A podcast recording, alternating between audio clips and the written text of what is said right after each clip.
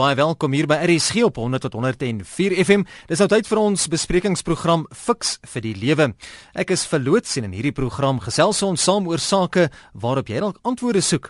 My gas wat ons gaan help vanaand is die hoogs ervare lewensafrigter van Pretoria, Dr. Gustaf Gous. Gustaf, goeienaand, amptelik. Vol, dit is baie lekker om hier te wees en die doel van die program is om mense fiks vir die lewe te maak met hierdie groot harde werklikheid van wat van al hierdie verskeurde kerke. Omdat dit hierdie program nie aan jou as luisteraar enige voorskrifte gee van presies hoe om te lewe nie, maar riglyne bied waarbinne jy self keuses kan maak en hier is jy stem nie noodwendig saam met die opinie van enige persoon wat aan hierdie program deelneem nie. Nou dit bly vreemd dat die Christendom een God aanbid, maar op voetsoolvlak 'n groot verskeidenheid kerke het. Kerke wat soms radikaal verskil juis oor Bybelse sake. Selfs binne bepaalde kerke is daar nie altyd eensstemmigheid oor sake nie. Nou hierdie verdeeldheid lei tot verskeurdheid en gepaardgaande pyn tussen mense. Maar die vraag is, hoe hanteer 'n mens dit? Fiks vir die lewe fokus dan juis vanaand hierop.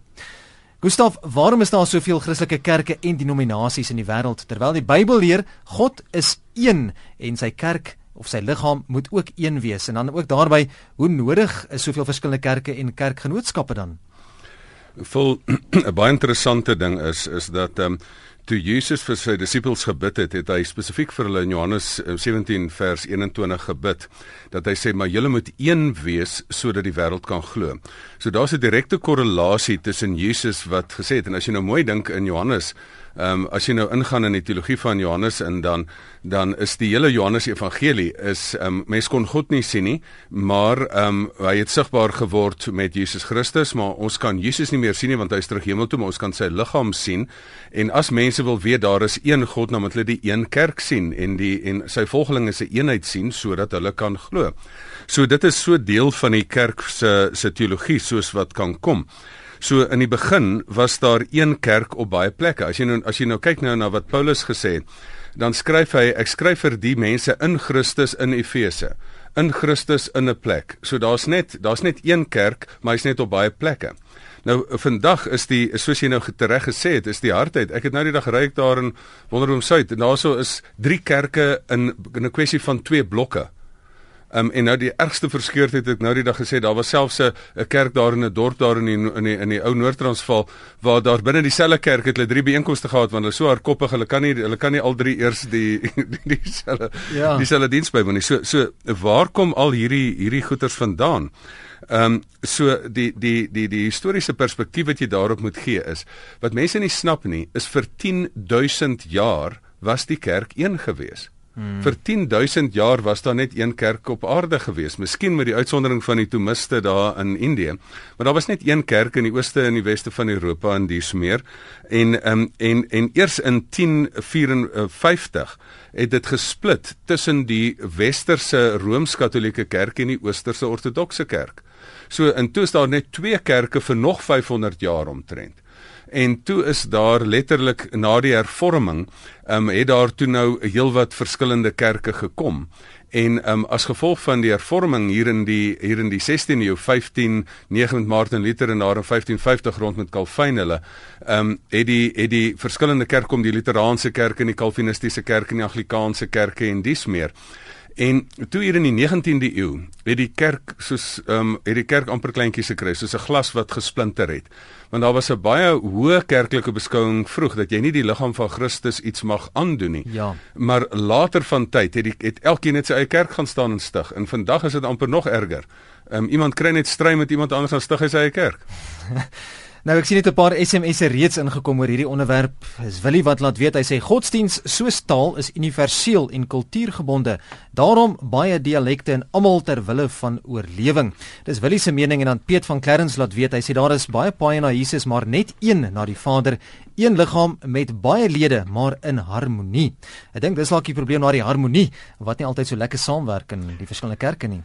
Weet jy ja, my ou ou mentor van vroeë jare, ou professor David Bosch het altyd gesê daar is ehm um, daar sy statistiek was nie noodwendig reg nie, maar hy sê daar's 3000 kerke in Suid-Afrika, volgelinge van die een God en al hierdie volgelinge haat mekaar. So hoe kan dit wees dat hulle daar sulke oneenigheid is? Dit is presies die absolute teendeel van wat Johannes 17 um, vers 21 vir ons vra. Maar um, hy's ook heeltemal reg is dat van hierdie verskille kom ook dat daar op geografiese plekke het daar verskillende um, temas en verskillende klempunte gekom um, oor oorsake wat dan gemaak het dat mense later dan miskien uitmekaar uitgegroei het. Baie dankie vir jou SMS ook Willem Husselman dit lei my juist na my volgende vraag te Gustaf sy kommentaar wat hy lewer is sy vraag wat hy vra het die verdeling nie juis gekom as gevolg van Bybelvertalings nie. Hy sê die Koran mag nie vertaal word nie en is daar basies net twee groepe. Nou dis juist die vraag wat ek wil vra. Waar kom die verskille tussen kerke vandaan? Kyk daar word mos net een Bybel as bron gebruik Ehm um, vol die interessante ding is is dat ehm um, die verskille tussen kerke kom eintlik nommer 1 oor teologiese faktore. Die eerste ding is hoe mense die Bybel verskillend lees. Ehm um, en interessant genoeg die die die ehm um, Rooms-Katolieke Kerk het nie net die die kanonieke boeke wat die Protestantse Kerk gebruik en dit ook die apokriewe boeke. Ehm um, so daar's ook ekstra dan leesstof wat in wat in die Bybel ingevoeg is wat dan wat hulle sê is nie noodwendig die woord van God nie, maar is is is baie lesenswaardig en dis meer. Ehm um, so ehm um, maar wat baie interessant is, is dat die Bybel eers saamgestel is deurdat verskillende kerke en ag verskillende Christene, ekskuus, bymekaar gekom het en gesê het watter bronne, watter boeke beskou ons as die gesaghebbende boeke. So die eerste konsilies van die kerk was daarop afgestem dat dit eintlik eers die die grense van die Bybel moes betaal, bepaal en toe het hulle later dan oor leerverskille bymekaar gekom. Toe sê die een ou, en dit was eintlik 'n baie goeie ding, want nou hier's nou Christene. Ons is nou onthou ons is nou kinders van dieselfde Vader. Ek het kinders, dan sê hulle nee, pappa sê so, dan sê die ander nee, pappa sê nie so nie. Hy sou nie so gesê het nie. En dis presies wat met met kinders gebeur het. Dit het in my kar op pad terug vir die berge vandag nog gebeur. Een sê pappa sê so, die ander sê nee nee nee. Jy vat 'n kans hierso. So kinders van dieselfde Vader moet bymekaar kom en daad hulle dit in amptelike kerkvergaderings ge genoem. Hulle dit konsilies genoem. Vandag noem hulle dit synodes en dan het hulle die gesê maar wat sê jy is die waarheid en ons sê nee nee dis hoe ons die waarheid verstaan. Die interessant genoeg die die drie eenheid leer staan nêrens in die Bybel nie. Dit is geformuleer by een van hierdie kerkvergaderings waar die kerk reg oor die wêreld bymekaar gekom het en gesê luister ons moet uit 'n eenheid stem uitpraat en sê maar wat glo ons as Christene? En ek dink dit was dan dan ook die teologiese verskille. En dan sou 'n klomp mense wat gesê het nee, ons stem nie saam nie en dan splintergroepe gevorm het en dis meer. Dan het dan het daar ook politieke verskille gekom. Mense het ek wil die die skeiding tussen Oos en Wes was baie keer was was daai tyd omtrent 'n politieke saak geweest. Daar's mense wat om politieke redes van die kerk skeur en dan 'n ander kerk stig. Dan sou sosiale verskille want die kerk het dan ontwikkel hy nou dan sou nou die grand groep aan hierdie kant van die spoorlyn wat nou 'n bietjie grander word kerke as die ander kant. Dan die kerk nou om daai redes staan en verskeur. Mm. Wat alles onnodige redes is. Ehm um, daar is net een beginsel, die geloof alleen in Christus wat jou moet saamsnoer. Dan sê hulle nee geloof en sosiale stand en geloof en netheid en geloof en ehm um, al hierdie ander goeters. So ehm um, so ek dink dit is die of onder andere van die verskille tussen kerke. Teologiese redes, politieke redes, sosiale verskille, selfs geografiese redes het dinge mense dinge verskillend begin doen. Ons gesels in die program Fix vir die lewe vanaand juis oor kerklike verskeurdheid en jy kan saampraat SMS'e na 3343 teen R1.50 e-posse deur middel van die webblad dis rsg.co.za gaan op Facebook lewer 'n kommentaar. Daar dit is die bladsy Fix vir die lewe gaan net na Facebook en onder die soekfunksie soek jy vir Fix vir die lewe like hom en, en dan kan jy daar ook saam praat of skakel jy ateljee 0891104553. Tella, dankie ook vir jou kommentaar op Facebook. Sy sê ek weet 'n verskeurde kerk of 'n verdeelde kerk belemmer hulle sendingwerk. Dis tog belangrik, né, nee, Gustaf? Absoluut. Want interessant genoeg, ehm um, van dat die ehm um, die kerk toe nou eintlik die groot sendingpoging van die kerk ehm um, het uiteindelik gekom buite Europa um eers um net met net met die ontstaan van die hervorming omtrent.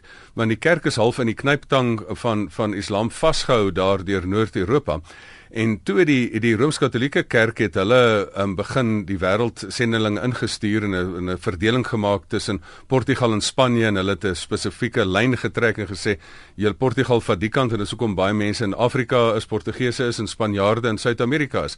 Maar toe die protestante ook begin en toe in die 18de en 19de eeu het die het die kerklike verskeurdheid saam met die sendelinge is dit toe oorgeplant na ander lande toe, na Suid-Afrika toe, na lande soos Indië toe en dis meer. Maar toe het hulle vasgeloop daar in Indië en hulle hulle het daar eintlik 'n een eenheidskerk onder Leslie Newbegin het hulle daar 'n een eenheidskerk gestig en gesê maar nee, ons kan nie ons ons ons maak ons naam krater hierso want ons kom hier met verskillende kerke aan en die mense weet nou nie wat gaan hier aan nie. Kom ons kom ons kom bietjie onder een vaandel in en ons bring 'n een eenheidsboodskap hier na mense toe.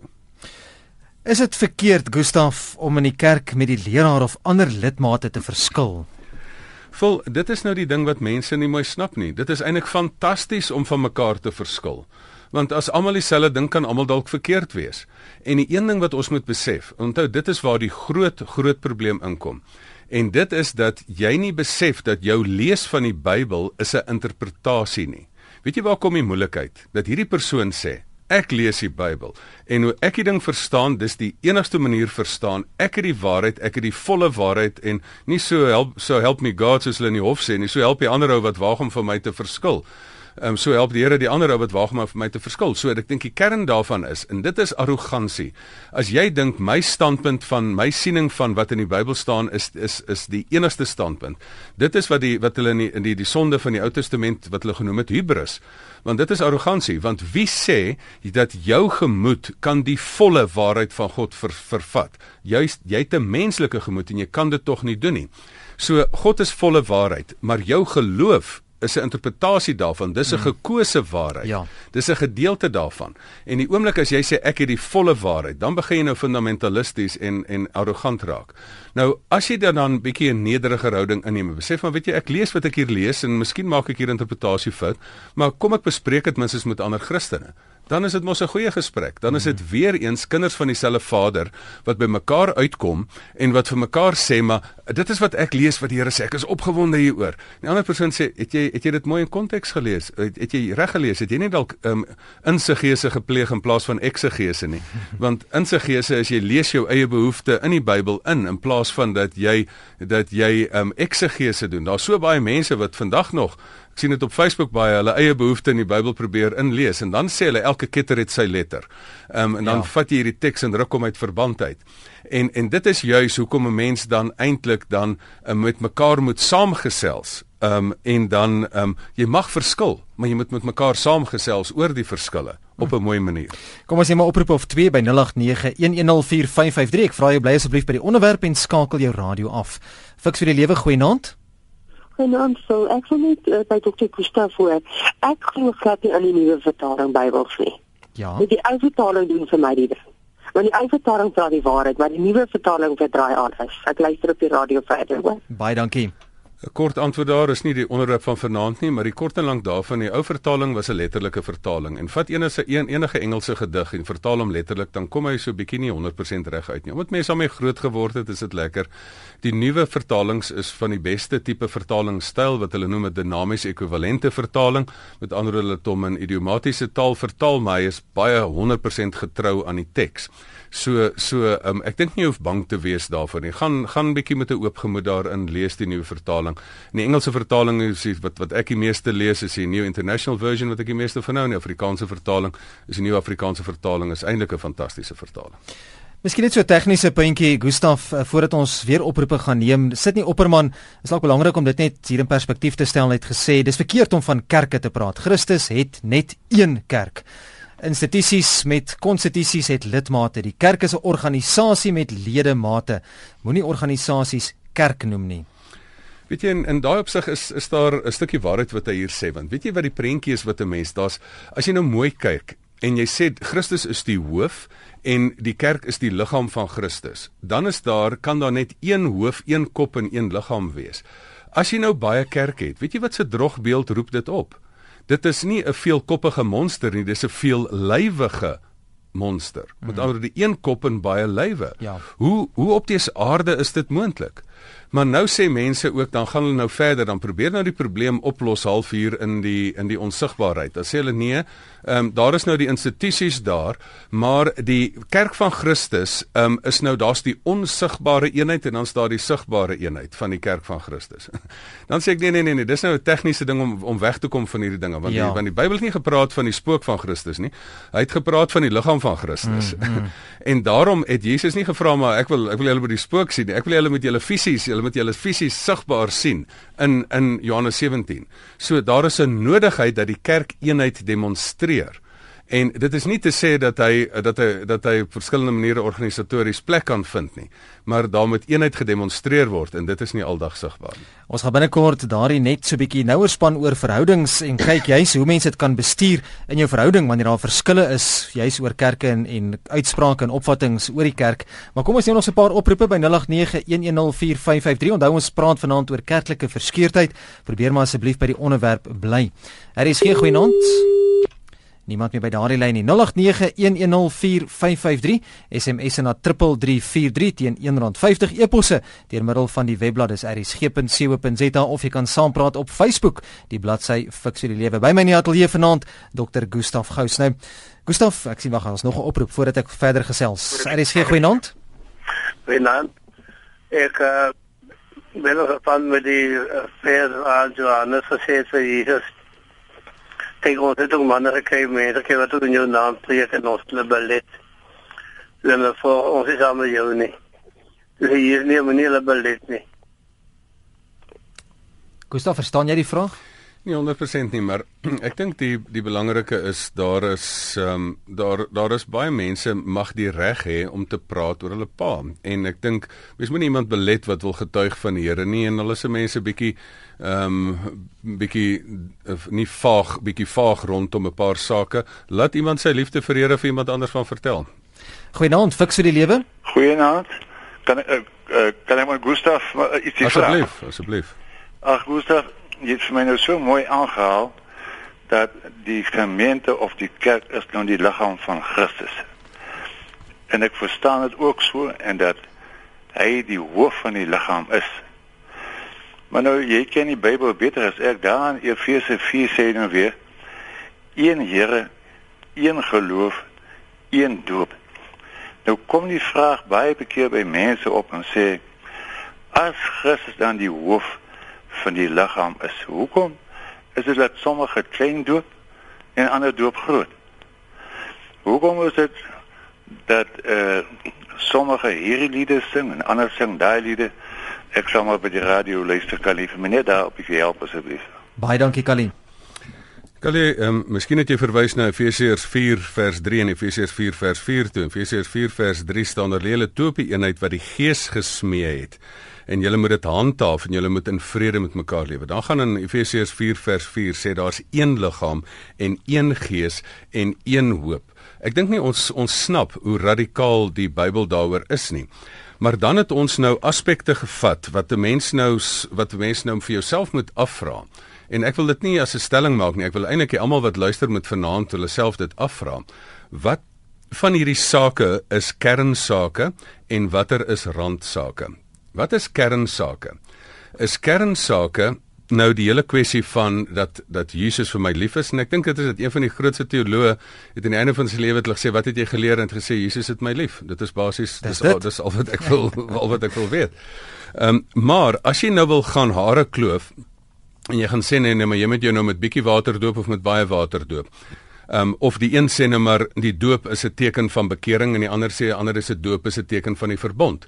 En dan gaan die ander mense nou getalle uitblik en dan gaan hulle sê nou maar weet jy nie omtrent 60 70% van die van die Christene doop klein en want ehm um, die skus toe Want die Rooms-Katolieke Kerk glo in klein doop en hulle is die grootste groepering van Christene op aarde.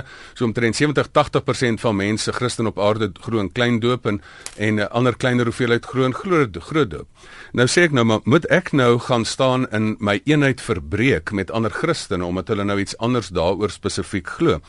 Daar was 'n daar was 'n man gewees Richard Baxter wat 'n fantastiese um 'n aanhaling gegee het wat ek nou vry vertaal vanaand. En hy het gesê in kernsake eenheid, in randsake vryheid en in alle sake ordentlikheid hy het die woord charity gebruik vir ordentlikheid. Hmm. Maar en ek dink dit is wat ons vir mekaar moet sê. Is jy nou besig om nou hierdie hierdie ander kerk te verketter en vir hulle te sê maar nee, ek wil nou van hierdie kerk skeur want julle doop nou groot en die ander doop nou klein. Vra eerder is is ons kinders van dieselfde Vader het. Ons het dalk dieselfde sending opdrag in die wêreld nie. Ons het dalk hier in die wêreld dat ons ophou om met mekaar te beklei nie. Miskien gaan ons raak soos daai rugby span van ons wat in 2003 so in in in in um, Australië verloor het. Ons het so met mekaar beklei dat ons toe ons op die veld draf, dis dat ons nou krag oor gehad om te doen wat ons moet doen op aarde nie. En ek dink dit is die punt waarby ons moet uitkom. Moet ons nie kyk eerder dat kyk dat ons op kernsake eenheid bereik nie. En ek dink die kernsake die een groot samebindende faktor van van alle gelowe is die 12 artikels van ek glo in God die Vader die almagtige skepper van hemel en aarde en Jesus Christus sy enige gebore seun ons Here en dan sê ek en glo in een heilige algemene Christelike kerk mm. onthou die eenheid is deel van daai waarheid Kom ons kyk so 'n bietjie na verhoudinge tussen uh, mense wat getroud is ensovoorts. Die ou mense het 'n spreekwoord gehad. Hulle het gesê twee gelowe op een kussing, die duiwel slaap daar tussen. Nou hoe moontlik is dit om uh, verskillende opvattinge oor kerke en kerklike uitsprake binne verhoudings, veral 'n huwelik te kan bestuur? Phil en ek dink hier's miskien een van die kernsake wat wat wat vir meeste mense raak want want mense sit nou en wonder dit kan nou 'n hele teologiese gesprek wees maar waar waar raak dit 'n mens in jou persoonlike lewe? In die persoonlike lewe is dit speel af in huwelike en huise reg deur Suid-Afrika en in verskillende lande. Nou in die ou tyd was dit dan die vrou nou met die man getrou, dan moet die vrou nou by die man se kerk, dan moet die vrou nou haar kerk nou los en dan moet sy nou by die man se kerk aansluit. Hmm. Ehm um, en dit was maar die bietjie meer van 'n patriargale stelsel. En toe of dan moet jy nou besluit nou wat gaan ons nou doen? Gaan ons nou dalk Ekskuus tog. Gaan ons nou dalk die ehm um, met die met die man dalk nou by die vrou se kerk aansluit. Dan kan ons die rolle omkeer. Um, ek het in 'n berading was daar al mense by my gewees wat 'n Afrikaanse meisie met 'n uh, Engelse persoon wat Katoliek was, wat 'n Afrikaanse NG meisie was wat getrou het en baie gelukkig getroud was en toe weet hulle nou nou nou wie toe nou waantoe met die kinders nou gaan, moet die kinders nou Katoliek grootgemaak word of moet dit nou NG grootgemaak word of dis meer. En hulle het toe nou 'n interessante besluit geneem. Ek sê nie almal moet dit doen nie, maar hulle toe nou 'n Engelse kerk wat meer binne die protestantse tradisie is, het hulle gekies. En dit is hulle toe in 'n in 'n metodiste gemeente gaan inskakel. So daar is verskillende maniere. Maar weet jy, ek wil hier 'n radikale um, stelling maak vanaand vol. Ek wil eintlik sê, maar hoekom kan jy sommer lid bly van albei kerke nie as hulle van verskillende kerke afkom nie? Hmm. Want weet jy, ehm um, as jy glo dat jou kerk die enigste kerk is wat wat mense kan wat daarin glo wat hemel toe gaan is, dan is jy natuurlik van standpunt dat dat dat die ander persoon hel toe gaan. Maar jy moet 'n baie harde fundamentalis wees om te glo dat jou jou kerk die enigste kerk is wat mense hemel toe van. As dan in verskillende kerke daar Christene is wat ook hemel toe gaan is. Dan kan jy mos eintlik lid van 10 kerke wees. Ek het eintlik nogal ideaal. Dit ek net om 'n standpunt te maak. Ek wil amper so sou Amos van oud. Ek wil nie so erg soos hy nou goeters doen nie, maar ek wil ek wil nou um, ek wil eintlik lid word van 10 kerke. Net om vir mense te wys dat dat daar in alle kerke, Christelike kerke is binne sekere parameters is daar kan jy dan 'n lidmaat van wees en natuurlik ook nog wat is die probleem daarmee? Maar dit los nog nie die probleem in huwelike op nie. Ek wil net in huwelike moet mense moet moet ek wil eintlik vir mense wil ek vir hulle nie net in huwelike nie, maar ook in sommer in algemene gemeenskappe wil ek 'n kort 5-punt plannetjie gee. En daai 5-punt plannetjie is: nommer 1, raak ontslaaf van jou fundamentalistiese standpunt dat jou standpunt die enigste waarheid is. Ehm um, dit is arrogant en dit is hubris. Die tweede ding is ehm um, ehm um, besef dat jou opinie is 'n interpretasie van wat in die Bybel staan. Nommer 3, gebruik dit as 'n unieke gespreksgeleentheid. Dalk het die Here vir jou hierdie vrou gegee om jou 'n paar goed te leer. Dalk het die Here vir jou hierdie man gegee om jou 'n paar goeters van die Here te leer. Ek en my vrou kom uit twee verskillende kerktradisies uit. En glo my, um, ek het ongelooflik baie by haar geleer ja. um, oor oor hoe die Here se belewenis is en uit 'n teologiese wat 'n vars teologiese standpunt is wat ek nie eens uit my teologiese opleiding gekry het nie. Ek hoop daarom sy het so hierdie daar iets by my ook geleer. Ehm um, en dan ehm um, besef dan dat waarheid is dit gaan want mense verbreek eenheid oor waarheid. Ehm um, waarheid is nie waarheid versus eenheid nie. Die eenheid is deel van die waarheid van ehm um, van die kerk. En dan praat met mense en toets toets jou waarheid met ander mense en dan met ander woorde die die laaste een is raak betrokke by praktiese dade dat jy nie net teoreties gesels daar nie maar gaan uit as Christen al kom jy van verskillende kerke verskillende tradisies raak betrokke by praktiese goeders in jou gemeenskap wat die Christene as 'n eenheidsfront 'n verskil maak in die wêreld afgesien van watter ehm um, watter ehm um, tradisies jy uitkom. Kom ons neem nog 'n oproep. Fiks vir die lewe goeienaand. Niemand meer by daardie lyn nie. Hou net so rukkie aan asseblief as jy graag wil saampraat.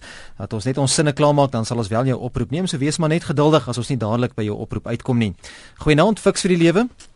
Sê goeienaand. Goeienaand. My naam is Pieter man. Ek luister na die program vanaand, né? Ja, Pieter. Maar wat ek wil wat wat ek wil byvoeg vanaand, uh die woord van die Here sê hy woon nie in 'n gebou nie want die mens self is die tempel van God. So die mens is die kerk van Christus. Want hoekom in die boek van 2 Petrus sê die Here, hy praat nie van 'n kerk, apostel Petrus praat nie van 'n kerk, hy praat van die plek van samekoms. Baie dankie, dis my bydrae wat ek wil lewer. Baie dankie, mooi aan vir jou. Interessant. Ek doen baie 'n church crawling en ehm um, net toe ek ekumenika gedoseer het, het ek my studente baie keer daarop gevat. Ek hoop van hulle luister. En wat wat lekker is, ek nou die dag sit ek in in Hillsong en wat wat ek nou nogal van hou is dan dan praat die mense dan sê hulle church kerk ek ja. praat met jou. Ja. Maar dit praat nie oor die gebou nie, ek praat met die mense. Ek kerk, hallo, ek praat mm. met jou. Wat nog vir my mooi was. Ek dink dit is nou nogal 'n mooi stukkie goeie teologie wat daardeur kom. Om daarbey aan te sluit nou Wat behoort 'n kerklidmaat te doen, Gustav, wanneer jy nie gelukkig is met die kerklike verskeurdheid nie en dinge kom nie reg nie? Moet jy dalk die kerk verlaat vir 'n ander een?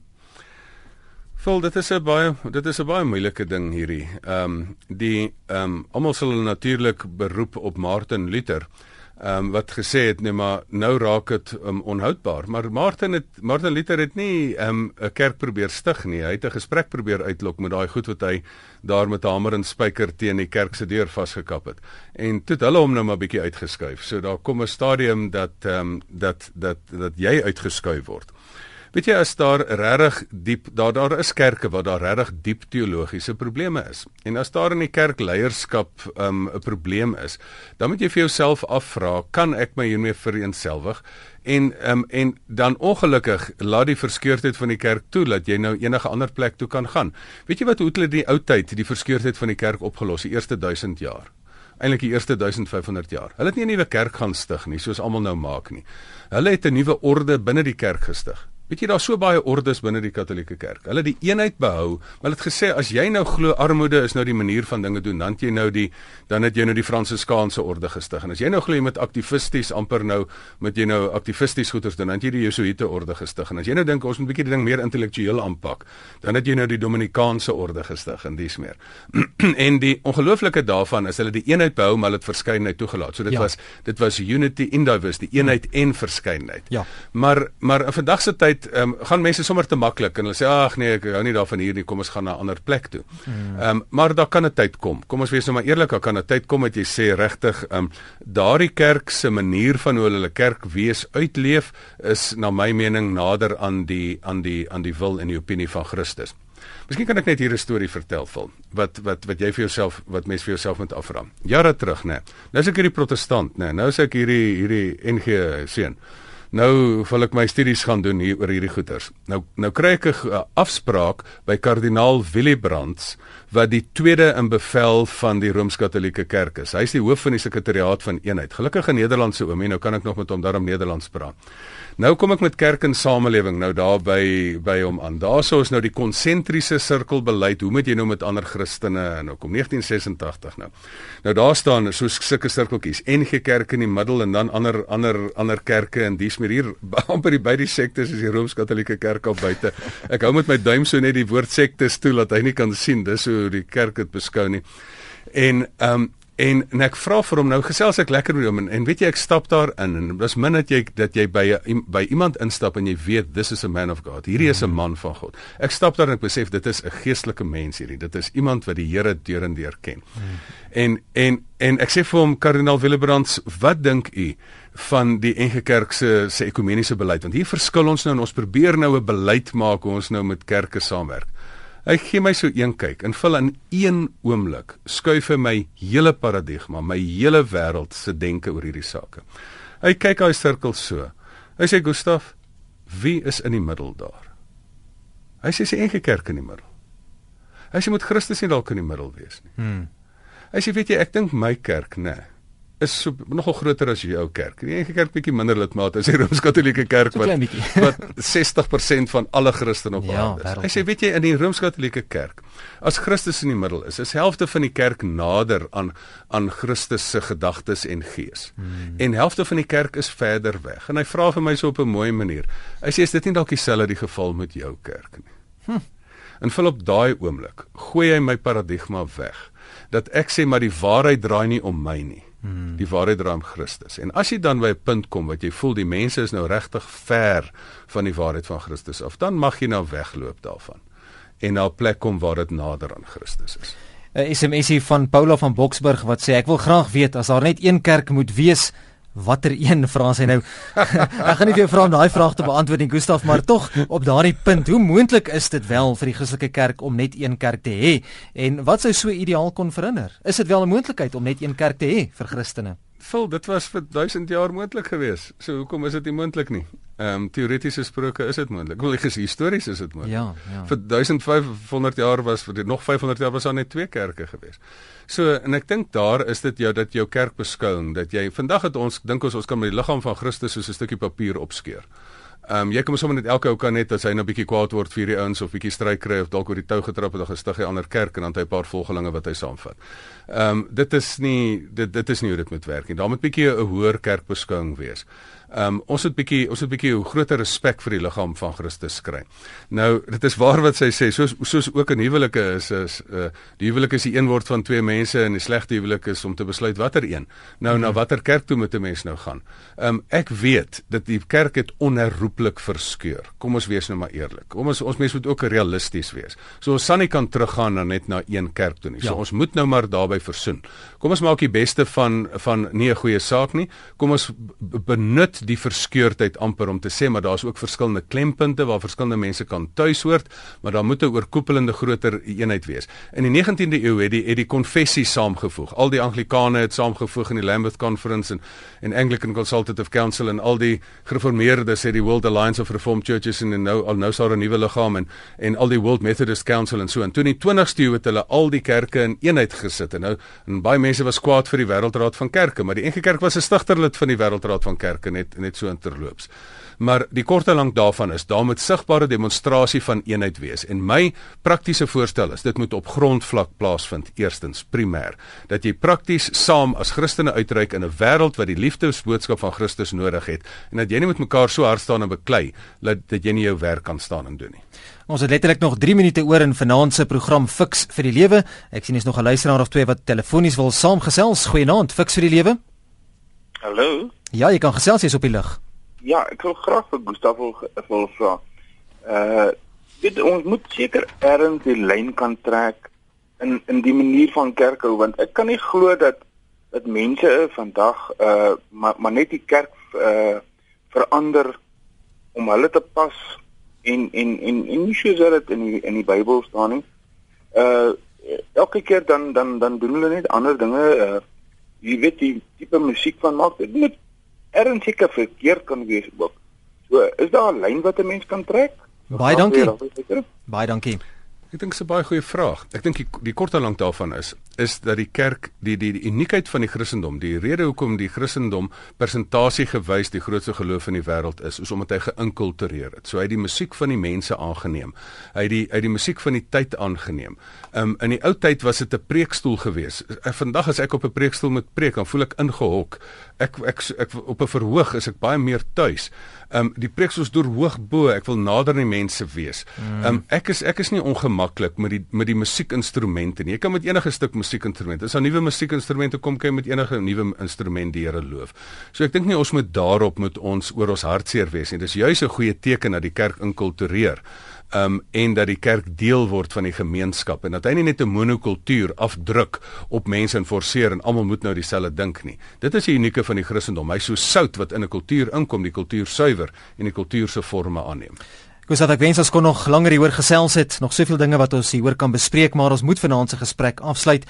Ons praat oor verskeurdheid binne in kerk, kerklike verskeurdheid. Om jy af te sluit samevattend, Gustav, hoe moet mense kerklike verskeurdheid hanteer? Vol, ek wil net terugkom na die eenvoudige aanhaling dat jy net vir jouself sê oor kernsake eenheid, oor randsake vryheid en in alle sake praat met mekaar met ordentlikheid. Gustav, jou kontakinligting? gustaf@gustafgous.co.za. En sit gerus hierdie gesprek verder voort op Facebook. Onthou daar is 'n Fix vir die Lewe Facebook bladsy. So sit hierdie gesprek verder voort. Ek weet die tyd het ons nou hier uh, ingehaal vir vanaand se program, maar ons kan gerus verder daar gesels en ek sal 'n kort hierdie 5 punte sal ek maandagooggend op die Facebook bladsy post die kort voor. Op die Facebook bladsy as ook die gesprek wat op potgooi beskikbaar sal wees, sal die skakel daarvan ook geplaas word. Gustaf baie dankie weer eens. Dit dan vanaand se program Fix vir die lewe elke Sondag aand net hier op RSG.